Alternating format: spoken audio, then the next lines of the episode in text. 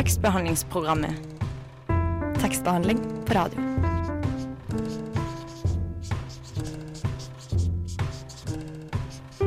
Tekstbehandlingsprogrammet.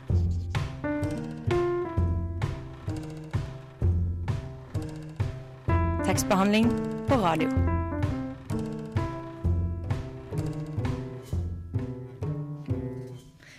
Og velkommen til sesongens første utgave av tekstbehandlingsprogrammet her på Radio Nova.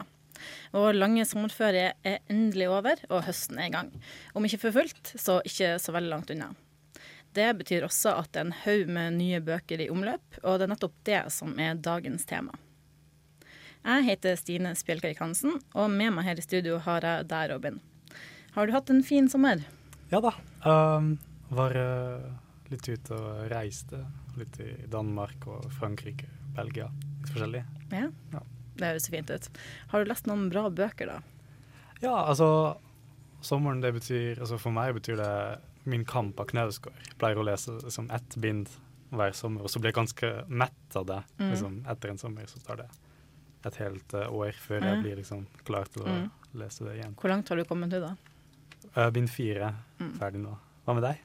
Eh, jeg har lest eh, 'Morderens ape', som jeg syns var veldig bra. Egentlig barnebok eller ungdomsbok, Eh, men den likte jeg veldig godt. Så den, det er liksom den jeg vil trekke fram. For øvrig så er jeg også på bind fire av Min kamp. Ja. Det var fordi den andre, eller nummer fem, da, var langt unna. Så da vi skulle begynne på den, så var jeg også litt mett, som du sa. Men vi burde kanskje hive oss rundt og fortsette. Om ikke så altfor lenge. Eh, vi skal snart ta tak i dagens tema, og ikke minst si hei til dagens to gjester. Men eh, aller først skal vi høre søskenduen Calvert med låta 'Ut i Oslo'. Du hører på tekstbehandlingsprogrammet, og i dag skal vi snakke om bokhøsten. For å kunne gjøre det, så har vi fått med oss to gjester her i studio. Velkommen til deg, Katrine Urke, bibliotekar ved Deichmanske bibliotek. Du jobber på Bøhler Oppsal filialer, og er med i redaksjonen til Deichmans litteraturblogg. Takk. Hei. Eh, Og velkommen til deg, Bruno Jovanovic, tekstforfatter og litteraturkritiker på bokmerker.org. Eh, veldig hyggelig å ha besøk av dere. Eh, Nå er vi jo i september, og rekka med lanseringsfester og utgivelser har jo kommet godt i gang. Eh, og hvordan vil dere egentlig beskrive eh, årets bokhøst? Ehm, ja eh, Hvis vi ser på den norske bokhøsten, så syns jeg den inneholder veldig mange store forfatternavn. Og mange sånne halvkjente og sånne etablerings... etableringsfasen, eller hva jeg skal kalle det. Folk Mm. som, eller forfattere som skal gi ut bok nummer to og bok nummer tre. Og det er vel gjerne dem jeg ofte er mest interessert i. Så jeg har i hvert fall notert veldig mange sånne bøker jeg har lyst til å lese. Um, så ja, det er en, en bra bokhøst, tror jeg. Mm. Mm. Ja. Veldig spennende i år. Uh, som du nevnte, mange store forfattere som kommer tilbake, og også litt mindre etablerte, eh, men som kommer tilbake med bok nummer to eller tre. eh, som har gjort det bra tidligere og begynner å skape et navn eh, for seg selv. Så det er de jeg har eh, notert meg. Liksom deilig å få de tilbake. Mm. Um, hva slags eh, bøker er det som eh, kommer nå til høsten? nå til høsten. um, Ida Hegazi Høyer kom jo med en, eh, sin femte bok på like mange år. Eh, men denne gangen så er hun ute med en eh, novellesamling, 'Historier om Tøst'. Uh, så mye som har blitt eh, sagt om den uh, enda. Den kommer ikke før i oktober. Men eh, hvis det ligner på noe av det hun har gjort tidligere, så blir det bra. Hun, hun er en egenart. Det er veldig få som skriver, skriver som henne. Eh, veldig poetisk, veldig Ikke noe pretensiøst eh, ved henne. Mm, så er det en del spennende debutanter i år. Det er gjerne de jeg legger merke til. De jeg ser etter hvem som, hvem som kommer, de som holdt på. Ja. Ja, og så er jo det ja, blant disse store så er jo det Espedal og Kjetil Bjørnstad følger jo opp den mursteinen fra i fjor. Uh, det er jo litt krim også. Krimdronningene Fossum og Karin Fossum og Une Lindell. Knausgård kommer jo med nok en sånn årstidsbok. Um, Ragde kommer jo med en ny sånn eh, berlinerpoplene-bok. Eller en Neshov-bok, er det det man Mm. det den familien heter. Uh, Helene Uri, Vigdis Hjort, um, Nils Øyvind Haagensen. Frode Grytten kommer med en ny novellesamling. Det er første novellesamling på ni år, har jeg skjønt. Tore Renberg. Eh, vi snakka så vidt sammen før vi, før vi gikk inn i studio, og da fikk jeg vite at den er på nynorsk. Så det tror jeg Ja, det blir, det blir kult. Mm. Er det noen sånn eh, eh, ujevn fordeling holdt på å si, mellom romaner, novellesamlinger, lyrikk? Er det noe sånt man kan uh, si litt om? Ja. Har lagt merke til at det er en del eh, novellesamlinger og diktsamlinger som kommer. Eh, forfattere som har tidligere bare gitt ut romaner, som nå prøver seg eh, i et nytt format. Eh, og det er alltid, alltid spennende. Eh, så hun eh, Ylva Ambrosia Wærenskjold gir ut sin andre bok nå, som er i diktsamling. Eh, veldig, veldig fin. Den var årets første høstbok som jeg leste. Handler om hvordan sporene etter en utsatt barndom sitter igjen i hodet, i kroppen og i relasjonene med, med andre. Og eh, hvem som eier historien barn, om barndommen. Eh, veldig, veldig rå og sterk eh, bok. Eh, og kanskje en av høstens overraskelser for min del var i eh, den tredje diktsamlingen til eh, Anne Helene Guddal på Kolon forlag, 'Døden og andre tiggere'. Bare den tittelen i seg selv, herregud. Eh, kjempefin. Eh, bladd litt i den, og hun er knallgod. Mm. Er det sånn at det er flest debutanter, eller flest sånn gamle travere vi kommer til å se mye av utover høsten? I år er det 17 debutanter som eh, kommer ut, og det er jo betydelig høyere enn fjorårets debutanter, eller antall debutanter. Eh, og det som er gøy i år, er at alders, aldersforskjellen eh, er veldig stor. Jeg tror den yngste er født i 1990, og den eldste i 1960. Så det er litt stilig å se at eh, ok, man kan være godt voksen og debutere. Mm, det syns jeg var veldig deilig å se at det ikke var masse debutanter som er født i 1998 og sånne ting. Slippe å føle seg så gammel. Ja. Um, og så Ja, som jeg nevnte, så er jo det mange sånne um, halvetablerte. Sånn som ja, Monica Isakstuen, Nina Lykke, Nicolai Hoem, Mari Ulseth. Sånne, sånne type navn. da. Eh, jeg ser mye av, i hvert fall. Mm. Mm. Vi skal snakke en del mer om årets utgivelser snart, men nå skal vi høre Diskobeistet med 'Blåser kaldt'. Det var Diskobeistet med 'Blåser kaldt' fra Radio Novas A-liste. Vi har fortsatt besøk av Katrine Urke og Bruno Jovanovic, og vi snakker om bokhøsten 2016. Og så er det et ganske opplagt spørsmål, men kanskje et vanskelig spørsmål, da. Men eh, kan man se noen trender og tendenser i den norske samtidslitteraturen som liksom kommer ut nå, da? Tror dere? Det jeg har lagt merke til, er at det virker som om det er litt færre selvutleveringer i, i år. At mm. ikke bare leserne eh, har blitt lei av det, men ikke lei, men eh, har lest nok. Eh, sammen med de som skriver det. Det er litt mer eh, eh, subtilt når, det, når de først kommer med det i år, da. Eh, det er ikke det som er salgspitchen lenger. Så det er litt deilig. Mm. Har du noen eksempler? på Eh, ja, Uh, Linn Strømsborg uh, med 'Du dør ikke' Mm. handler om uh, en jente som får panikkanfall. Og så er det en roman om hvordan handle et liv med angst når den setter seg fast i kroppen, i sinnet. Og det er jo som sikkert mange vil tro bare sånn OK, hun har angstproblemer. Hvordan hvordan ser dette her ut, og hvordan har hennes liv vært? Men uh, det er roman, det er fiksjon, men så klart det er jo sikkert noe som er henta fra erfaring, eller noe man har en spesiell innsikt til. Men uh, det er godt forkledd i fiksjonverdenen, og det er litt sånn deilig. mm. Ja. Um, jeg syns ja, kanskje litt tidlig å snakke om tendenser. Høsten har akkurat begynt, men jeg, altså, jeg vet ikke. Jeg syns liksom det ser ut som ting er som før. Vi har liksom voksne menn som Hoem og Edvard Hoem og Jon Michelet som gir ut historiske romaner. og Knausgård og Espedal som snakker om sitt, men, um, eller skriver om sitt. Men um, ja, det, det, er sikkert uh, riktig det Bruno sier om at det er mindre uh, sånn selvutlevering. Uh, ja, det er interessant. Jeg eh, har ikke noe inntrykk av at årets utgivelser skiller seg litt fra fjorårets. Var jo litt inne på det, da. Men eh, hva tenker dere om det? Mm.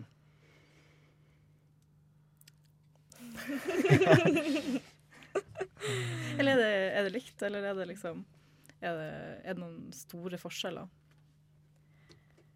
Sånn samla sett. Vet, jeg bare føler at det er bedre i år, men jeg har liksom ikke Ja, det er jo veldig vage ting å si. Så jeg, har, jeg har, ikke noe smartere å si enn det, egentlig. For min del er det bare at navnene navnet har mm. skiftet seg ut. At det er de forfatterne jeg, jeg er glad i, som kommer med, kommer med noe nytt i år, og mm. de jeg gjerne har ventet på. Sånn mm. at uh, det er gjerne noe sånn Ikke kjent å si, men det er noe sånn Man har noen dødår uh, mens man venter på egne favoritter. Mm. Og det, det, var i fjor for min del. Det var ingenting jeg kjente meg igjen i, eller jeg hadde mm. en trang til å lese, eller som jeg ventet på idet jeg leste hvilke bøker som var i vente. Så ja. Comeback-året 2016. Ja. Mm. Er det noen spesielle du tenker på da? Eh, ja, da tenker jeg på Pedro Carmona Alvarez, som kommer med oppfølgerromanen 'Bergen ungdomsteater'. Eh, den første boka å være skiftet, og det ble sommer og så videre, fra 2011 eller 2012, tror jeg. Ja, uh, ble nevnt veldig tidlig at det skulle være en trilogi, så jeg har hvert år på sånn her uh, Å være skiftet oppfølger, um, kolonoppfølger, trilogi, men det var ingenting. Og så plutselig i år under uh, lanseringen av årets bøker, så var den blant der, og han skulle egentlig komme, men så kom han ikke. Så ble jeg lei meg. Men det var en kjempefin overraskelse, og endelig få bekrefta at det kommer en oppfølger. Mm. Så spesielt siden jeg venta på den. Mm. Um, de forskjellige forlagene har jo litt sånn forskjellig profil, hva slags bøker de, de gir ut. Um, er det noe, noen forlag som skiller seg ut liksom der nå i høst, føler dere? Er det noe spektakulært som har skjedd der, eller litt ja. mindre spektakulært? Um, jeg har jo alltid vært veldig glad i forlaget Oktober. Eh, de har jo veldig sterke og store forfattere på, på boklista si. Eh, men eh, i år føler jeg at de er litt kjedelige. Litt dumt å si, selv om det er, det er, en del bøker i år fra dem som jeg gleder meg til å lese. Men det blir fort mye av det samme. Noe du har lest før, eller liksom gjentagelser.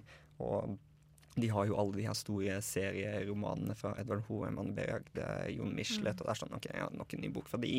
Eh, kjempefint, det. Men eh, jeg syns Kolon forlag eh, skiller seg mest ut i år. De har et veldig sånn stort eh, eh sprell mellom bøkene. Eh, både med hva slags debutanter som kommer, hva slags oppfølgingsbøker som kommer fra deres forfattere. At ja, de har en sykt bra høstliste. Og jeg var på den lille minilitteraturfestivalen deres, og da kom jo alle forfatterne og leste fra bøkene sine, og man merka med en gang at OK, her er det så mye forskjellig og mye å ta tak i og glede seg til. Så ja, kolon forlag. De runda bokhøsten. Eller kommer til å gjøre det. Jeg, jeg trodde liksom at uh, oktober skulle bli uh, forlaget jeg kom til å trekke frem uh, i dag. Um, fordi altså, eneste sånn uh, lanserings, uh, sånn høstlanseringsgreie jeg har vært på i høst, har vært oktober sin. Og oktober er jo liksom kjent for å være det beste skjønnlitterære forlaget. Um, så jeg tenkte jo liksom at alt jeg ville lese, var fra oktober. Men jeg satt og noterte for, hva forlag alle bøkene jeg har lyst til å lese i høst, er fra. Så er det dritmye fra Tiden. Det er liksom, Den boka jeg holder på å lese nå, Birger Emanuelsen sin 'Anna og kjærligheten', fra Tiden. Nicolai Hoem sin uh, nyeste fra Tiden. Ida Høyer blir jo utgitt på Tiden. Isakstuen, Jens Johansson. Um, så har vi jo ja, Linnea Myhre sin bok gleder jeg meg også til, og det er jo også Tiden, så Tiden er med. ja, Mm. mitt forlag denne høsten her, tror jeg. Mm. Men da var det igjen på tide med en eh, musikalsk pause. Denne gangen er det Grå sky med Høy på meg med min baby. Her i tekstbehandlingsprogrammet på Radio Nova så snakker vi fortsatt om de nye bøkene som eh, har kommet og kommer denne høsten. Og eh, som dere vet, av noen forfattere så vet man eh, egentlig ganske godt på forhånd hva man kan forvente av dem. Og er, man, det kanskje ikke så spennende. Men jeg har lurt på, er det noen utgivelser som dere syns Som dere ikke aner hva kommer til å bli, eller som dere er særlig spente på? Ja. Um, tenker du da fra noen etablerte eller noen uetablerte? Uh, begge deler. Begge deler. Ehm, går jeg tilbake til Ida Hegazi Høyer. Ehm, jeg har jo bare lest eh, eller de romanene hun har gitt ut tidligere. Så nå når hun gir ut eh, noveller, og det er jo et mye mindre format, så jeg lurer på om hun klarer å gjøre det like bra på litt mindre sider. Det er ikke alle som klarer den overgangen fra å kunne skrive langt og dra det ut, til å bare korte ned og være litt mer presise. Så det blir spennende. Um, og av de nye så er det en del debutanter jeg har notert meg. Eh, blant annet begge er fra Kolon forlag. Jan Kristoffer Dale med 'Arbeidsnever' og Ingvild Lote med 'Hvorfor er jeg så trist når jeg er så søt'. Ehm, nå har jeg Rett før jeg kom hit, så leste jeg åpningsnovellen i Kristoffer eh, Jan Kristoffer Dales 'Arbeidsnever', og den eh, var kjempefin. Eh, det var den samme som han leste fra, og handlingen er jo i Aust-Agder og Froland og eh, Arendal, eh, samme tøktene som meg. Så gøy å kunne på en måte kjenne igjen eh, de karakterene og hva slags typer som, som finnes der. Og han har litt dialekt eh, inni, innimellom òg, eh, så det var kjempefint. Eh, men eh, så, ja, de er jo ferske, så det er alltid like spennende å se hva de har å tilby. Det er ikke alle som kommer med en veldig sånn som klarer å levere alle like på samme nivå, da. Eh, så selv om den første er bra, så kan det fort være at eh, eh, nummer to og nummer tre er dårlig, og så setter man boken fra seg. Det har skjedd et par ganger, og det, det er så trist. Jeg er spent på hva Linnea Myhre har fått til.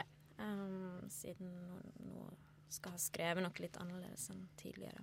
Jeg synes jeg er veldig, ja, jeg er veldig fan av Linnea Myhre. Jeg syns hun, hun er ordentlig kul. og liksom, det er så ja, bra hvordan hun får til å, å uh, være et sånn forbilde for uh, for sånne unge jenter og sånn, selv om hun um, er smart og legger ut bilder av dikt og sånn på Instagram. Altså, nei, altså jeg er veldig, veldig spent på å lese hennes roman.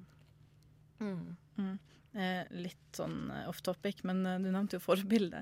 Eh, har dere Mm. tenkt noe over eh, hva dere forventer av Sofie Elise Isaksen sin bok som heter 'Forbilde'?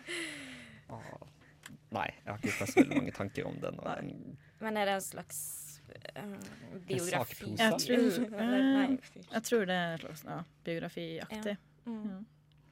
Så det er, jeg syns kanskje det er litt spennende. da. Litt sånn eh, Ja. kjendis... eh, Kjendissladder, kanskje. Hun har jo sikkert nok, eh, nok bra å komme med, hun også. Jeg kan ikke helt se det for meg, men det som er trist, er at hun kommer nok til å få mer oppmerksomhet enn de eh, andre debutantene som, eh, Mm. som sikkert har kjempet hardere enn henne for å, for å bli utgitt. Så ja. Mm. Sånn er det, sånn er det i bokbransjen når bokbloggerne kommer og overtar, og så er det de andre litterære skikkelsene som blir glemt. Ja. Eh, Men har dere noen eh, favoritter av denne høsten? Eh, Hvis dere skulle ha trukket fram eh, tre bøker, hvilke bøker eh, ville det ha vært? Mm. Um, jeg har jo ikke lest en eneste av høstens bøkene, men den jeg gleder meg aller mest til, det er Dag Johan Haugerud sin, um, sin nyeste, som jeg tror han kommer i, i oktober. Den skal hete 'Enkle atonale stykker for barn'. Og det, det er den kuleste tittelen jeg har hørt i hele mitt liv, liksom. Uh, og han er så ja, fin fyr og um, jeg har bare lest én bok av han tidligere, 'Hva jeg betyr', heter den. Um, den var skikkelig god. Og filmene han har laga, er skikkelig bra. Så jeg har veldig store forventninger til den. Og så er det en som heter Sondre Midtun, som skal komme med bok nummer to. Han debuterte i 2011. Eh, men skikkelig, skikkelig sånn moden roman, liksom. Han var 25 år gammel da han skrev den, og nå Ja, det er jo fem år siden, så nå er han vel bikka 30. Så det skal være en oppfølger, og det mm, Ja, det blir, det blir veldig bra, det er jeg helt sikker på. Um, ja, og Linnea Myhre. Mm. Uh, som jeg har nevnt tidligere, så gleder jeg meg aller mest til eh, Ida Gazi Høyers uh, historier om Trist og Anne, Anne Helene Guddals uh, 'Døden og andre tiggere'. Den tredje er vel Tiril Broch Åkre med 'Fjellreven gul'. Eh, Ny roman. Hun romandebuterte i fjor med Redd Barna. Fikk veldig mye bra oppmerksomhet og ble liksom hyllet som eh, den nye norske eksportvaren. Eh, den var kjempefin, og språket hennes er on point. Mm. Så den her eh, gleder jeg meg veldig til. Jeg visste ikke at den skulle komme ut eh, med noe nytt så fort, men eh, blir alltid imponert når de klarer å holdt på å si presse ut noe bare ett år senere. Mm. Uh, men ja, det er de tre. Mm. Er det noe likhetstrekk mellom de tre bøkene, eller er det litt forskjellige ting? Det er litt forskjellige. Um, um, Gudal er jo poesi. Um, hun prøvde seg med romanen uh, i fjor. Uh, den var ikke like sterk som de poesiutgivelsene hennes. Uh, og jeg har så vidt bladd i denne nye, og den, den, da går hun tilbake til å være uh, poetisk sterk. Um, men nei, de er, de er tre forskjellige. De kommer med tre ulike typer bøker. Um, Sånn at uh, Nei. De ligner ikke på hverandre, heldigvis. Mm. Det er forskjellige ting som gjør at dere eh, vil trekke frem akkurat disse bøkene. Ja. Eh, De er språklig sterke på hver sin måte. Uh, Ida Gazi Høyre er veldig Veldig poetisk. Veldig, man kunne nesten på en måte lest henne høyt uh, uansett hvor man var. Uh, mens uh, Tiril Børkåker er eh, utrolig god på detaljer.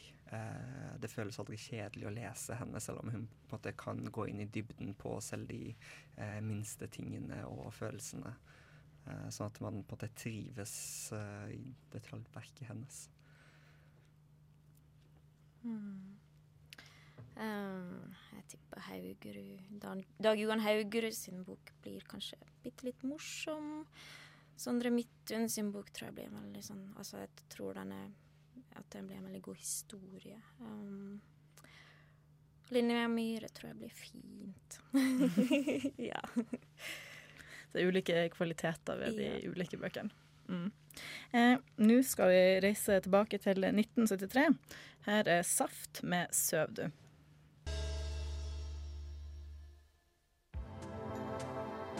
Tekstbehandlingsprogrammet når du har lyst til å lese med øra.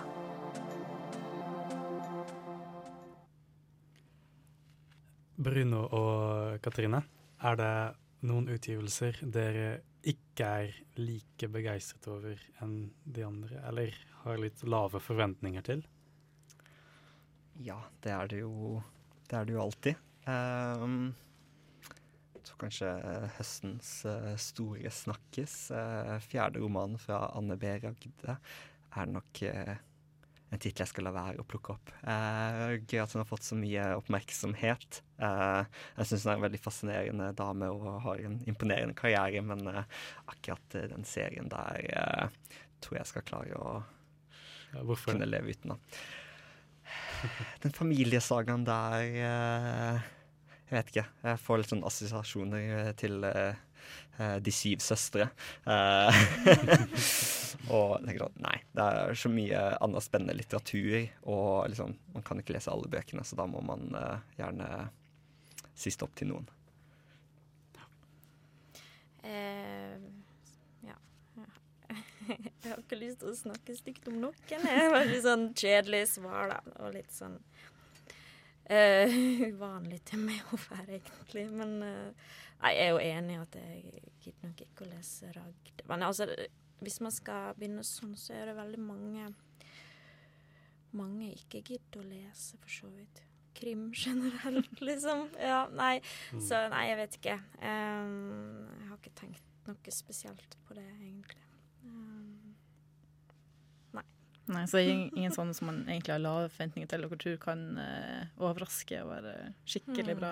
Og, Nei, det er de man holder meg klarer å holde meg unna. Eh, føles sånn slemt å nevne det, siden du trakk henne fram som en du gleder deg til. Men uh, Linnea Myhres eh, romanforsøk uh, har jeg veldig lave forventninger til. Men det er jo hennes mm. eh, fortellerevner og litterære muskler som jeg setter spørsmål ved. mm. Eh, sånn at eh, ja, den ja, skal du gi henne en sjanse, da? Nei. Nei, det er en ærlig sak det. Eh, og det er jo veldig mange bøker og, som kommer. Og hvordan orienterer man seg egentlig liksom, i denne bokjungelen når man liksom Man kan jo ikke lese alt. Når man liksom, hvordan eh, finner man ut eh, hva man tror er bra, rett og slett? Man spør en bibliotekar. Nei, jeg vet ikke. Hvis jeg snakker for meg sjøl, så jeg, jobber jo med bøker eh, på fulltid, liksom, og da eh, til slutt så får jeg en veldig god sånn intuisjon på eh, hva, som, hva jeg kommer til å like og ikke. Um, men de må jo komme fra et sted. Um, og det er sikkert erfaringer med med hva forlag som kan passe til meg. Nei, jeg vet ikke. Men så leser jo man aviser og um, Ja. Mange Det vet mange uh, lånere på biblioteket gjør, f.eks., er å komme innom med sånne avisutklipp av uh, Med sånne bestselgertitler. Ja, så jeg vet ikke. Uh, jeg har ikke noe godt svar på det. Um, men, men det kommer litt an på hvorfor man vil lese Altså hva funksjon lesningen skal ha for en nå, da. Noen leser jo bare for å på en måte holde seg oppdatert uh, ved å lese det alle andre leser. Noen vil lese bare for å underholdes, og ja. Noen vil lese for å få en estetisk opplevelse, så det kommer vel litt an på, på det, tror jeg. Mm.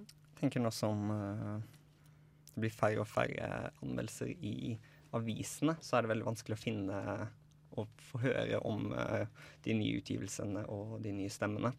Uh, sånn at når de største avisene som VG og Dagbladet nesten bare anmelder Anne B. Ragde, Jo Nesbø, Knausgård og de veldig godt etablerte norske forfatterne, Eh, så tyr jeg til NRK Bok. De er veldig flinke til å oppdatere seg. Og de har veldig flinke anmeldere. Marta Norheim.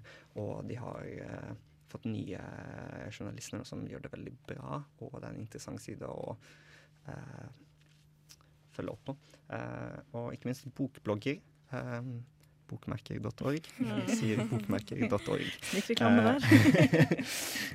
Men, eh, men jo, bokblogger. eh, de leser jo alt for deg. eh, og også Den nye nå er jo Instagram. Eh, det er veldig mange, ikke bare etablerte bokbloggere, men litt sånn eh, vanlige folk og folk som jobber i bokhandlere, eh, også pusher bøker. Eh, og de gjør det bra, så det blir litt sånn eh, heispitch, der de på en måte klarer veldig kort og godt å oppsummere og si sine meninger om bøkene. Og da blir det veldig mye mer personlig. Man ser jo sånn Kanskje sånn ut fra Instagram OK, dette er en person jeg liker, som tar fine bilder, liker mye av de samme tingene som meg, og så bare sånn ah, denne boken likte en person, har ikke jeg hørt om. Virker interessant. Trenger ikke være noen sånn veldig lang avhandling, men uh, kort og godt, og så kjøper man boka. Mm. Mm. Så det ja, alltid gøy å fylle opp eh, Instagram-feeden med bøker. Um, jeg lurer på om dere har noen tanker om dette her. Um, også dere har jo, som litteraturblogger, som uh, bibliotekar, har jo en viss um, makt når det gjelder um, å bestemme liksom, hva som når ut til folk. Og det er jo dere som er liksom, med på å bestemme hva som kommer til å bli glemt etter et sesong, og hva som kommer til å overleve av det som kommer ut nå. Um, det er litt sånn ganske teoretisk spørsmål, da, men har dere noen tanker om det her? Er dere bevisst denne ja, maktsposisjonen som dere egentlig har? Ja, absolutt. um, jeg er veldig opptatt av å fronte um, norsk litteratur. Gjerne fra de litt uh, ukjente uh, stemmene, fordi der er det veldig mye veldig bra. Uh, og det er jo sånn som Bruno sier, at det, når avisene, de største avisene helst skriver om eh, de største forfatterne, så må noen jobbe for å få fram alt det andre bra som gis ut, da. Så særlig på litteraturbloggen til Deichman så jobber vi mye med det. Med, eller jeg jobber mye med det der, da. Eh, omtale og anmelde um, de litt ukjente og uh, stemmene. De ukjente og gode stemmene. Ja. Bruker ikke så mye tid på det som er dårligere. Og er det også noe som du kan gjøre på altså, det fysiske biblioteket? Er det noe som dere liksom, gjør der? Mm. Ja, når vi holder bokprat eh, eller setter opp utstilling og sånt, så har vi, eh, har vi alltid den eh, eller sånn den anbefalingshylla, den er veldig fin. Ja. Mm. Der setter jeg alltid fram, eller stort sett bare fram, litt ukjente norske bøker. Mm. Veldig enig med deg at uh, når man har den uh, makten, så går man gjerne etter de uh, stemmene som ikke klarer å på en måte, Som ikke får hjelp av de større mediene. Eh, og det er jeg på bokmarkedet òg. Da er jeg nesten bevisst på alltid ville lese eller skrive om eh, om debutanter eller litt smalere sjangere. Eh, blant annet eh, litteratur fra skeive forfattere, som ikke er så veldig etablert i Norge. Vi har ikke noen sånn skeive forfattere, skeive bøker.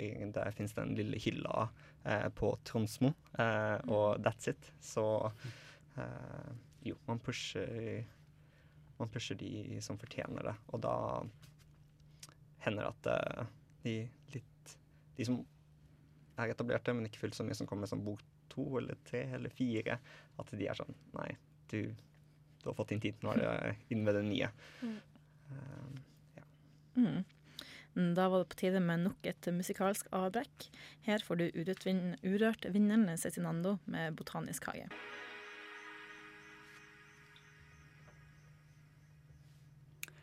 Det var Cezinando med Botanisk hage. Um, og nå har vi jo snakket uh, en del om uh, høstens bokutgivelser. Men uh, det er også, nu, også mye annet som skjer, bokrelaterte greier. Og Bruno, du har skrevet et blogginnlegg der du omtaler lanseringsfester, blant annet. Um, hva er de viktigste eller mest spennende arrangementene som kommer i høsten? Som kommer. Eh, da har jeg eh, notert med alle lanseringsfestene til en del debutanter. og litterære arrangementer, gjerne på Litteraturhuset. De er veldig flinke på å ha, ha inn interessante folk og bare blande ulike forfattere. Blant annet kommer franske Edouard Louis og skal samtale med Kjersti Annesdatter Skomsvold senere i september. eh, som jeg gleder meg eh, veldig til. Eh, I dag gikk jeg glipp av eh, lesesirkelen eh, med noen debutanter på Litteratur på blå, men jeg satser på at den blir lagt ut som podkast. og i morgen er det en dobbel lansering fra Flamme forlag med Erlend Vikne og Atle Haaland på den eh, Hendrix Ibsen i vulkanområdet, som virker veldig lovende. Um, begge, begge gir ut nå bok nummer to, uh, poesisamlinger. Men uh, ja, interessante gutter. Katrine, du sa jo at du var ikke så flink til å gå på sånne arrangementer. Eh, er det noe på en måte eh, som ville lokka deg med på et sånt? Eh, ja, så jeg var, jeg var jo på eh, oktober sin eh, eh, sånn eh, høst... Eh, eh, på Ingensteds for et par uker siden. Det var jo gøy. så, men ja, også når man kom dit, så var jo det mat. Matservering. Det vi visste ikke fra før. Så ja, kanskje Nei da. Mer, Um, mer mat. Det er mange sånn swag som man får tak i. Uh, jeg visste ikke det med mat, hvis ikke så hadde jeg kommet tidligere. Ja. Spesielt når jeg kom der så bare sånn Å ja, gratis sushirester. Søren. Uh, men eh, men, jo, men det var veldig fin, den på Ingested. Eneste var liksom mot slutten, så var det litt sånn der sang og lesning som eh, ble litt for langdratt. Det ble sånn 40 minutter lang minikonsert. Litt mindre konsert, litt mer mat, og så mer mat, mer mingling. Eh, Det som er gøy med disse arrangementene, er at man får muligheten til å gjerne snakke med noen eh, forfattere. Mm. Eh, De er der, de drikker, de blir lette å Godt sånn. Ja. Eh, Med det så må vi nesten si tusen takk for at dere tok dere tid til å komme på besøk til oss i tekstbehandlingsprogrammet. Hallo, mitt navn er Knut Nærum, og du hører på tekstbehandlingsprogrammet. Jeg går i hvert fall ut fra at du gjør det. Du hører fortsatt på tekstbehandlingsprogrammet her på Radio Nova. Og med oss her i studio har vi nå fått redaksjonsmedlem med Ørjan. Ørjan, du skal fortelle oss litt om ei bok du har lest. Ja, det stemmer. Eh, jeg har ei bok her som jeg eh, har lyst til å anbefale. Den heter eh, The Sick Bag Song eh, og er skrevet av rockestjernen Nick Cave, kjent fra Nick Cave and The Bad Seeds. Eh, boka er en, en slags sånn semibiografisk skildring av en sånn eh, nordamerikansk turné som Nick Cave hadde i 2014. Eh, og jeg sier liksom semibiografisk fordi det er, det er mye sånn biografiske elementer i boka. Sånn skildringer av steder han drar og sånne ting. Men det er veldig mye, mye som skjer i boka, eller som blir skrevet eller blir beskrevet i boka, som er veldig sånn fantastisk og surrealistisk, kan du si. Eh, blant annet et punkt i boka så finner Nick Cave en drage eh, under, et, under en bro. Og dragen den er liksom halvdød, og Nick Cave tar den tilbake til hotellrommet sitt og prøver å få liv i den dragen igjen, men den ender opp med å dø i løpet av natta.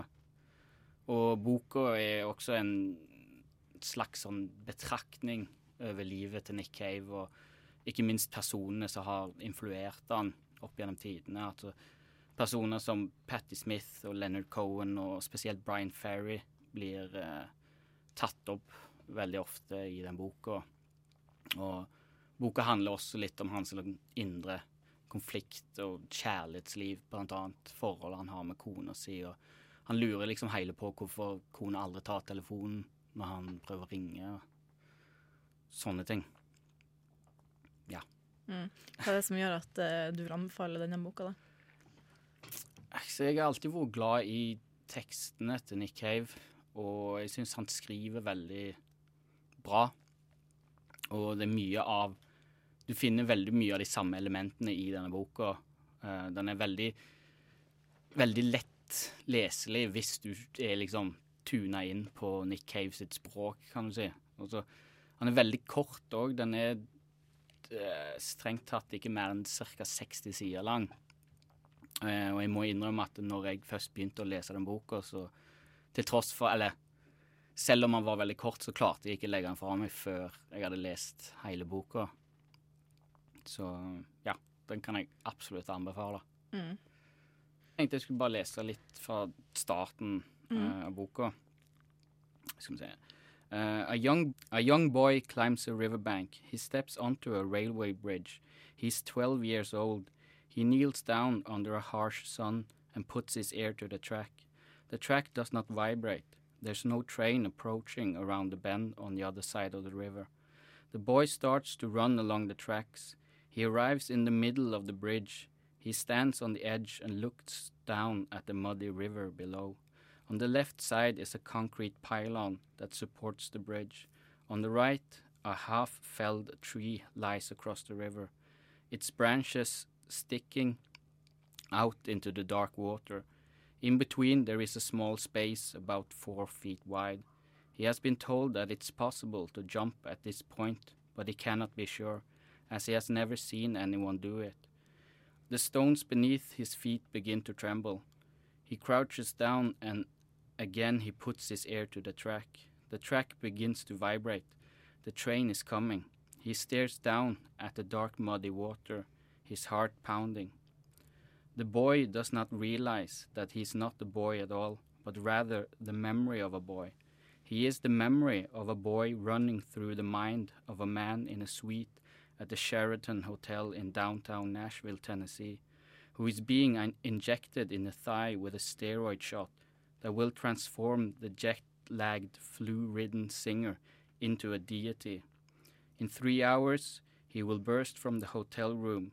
He will move through the empty city, crossing vast rivers, driving through empty prairies along tremendous multi laned highways, under darkening sky, like a small god to be with you tonight. Takk for en, eh, for en fin anbefaling, Ørjan. Eh, Nå skal vi høre ei låt. Her kommer gruppa Blomst med låta 'Verdt å dø for'. Det var altså Blomst med låta 'Verdt å dø for'. Eh, og det var også alt vi hadde for i dag i tekstbehandlingsprogrammet. Eh, vi har hatt besøk av Katrine Urke og Bruno Jovanovic. I studio har det vært meg, Stine Spjelkavik Hansen, og Robin Vandevale. Eh, tekniker i dag var eh, Henrik Slåen. Vi høres neste uke.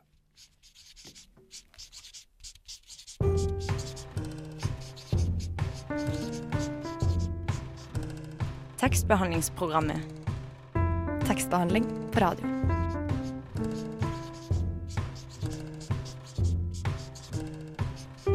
Tekstbehandlingsprogrammet.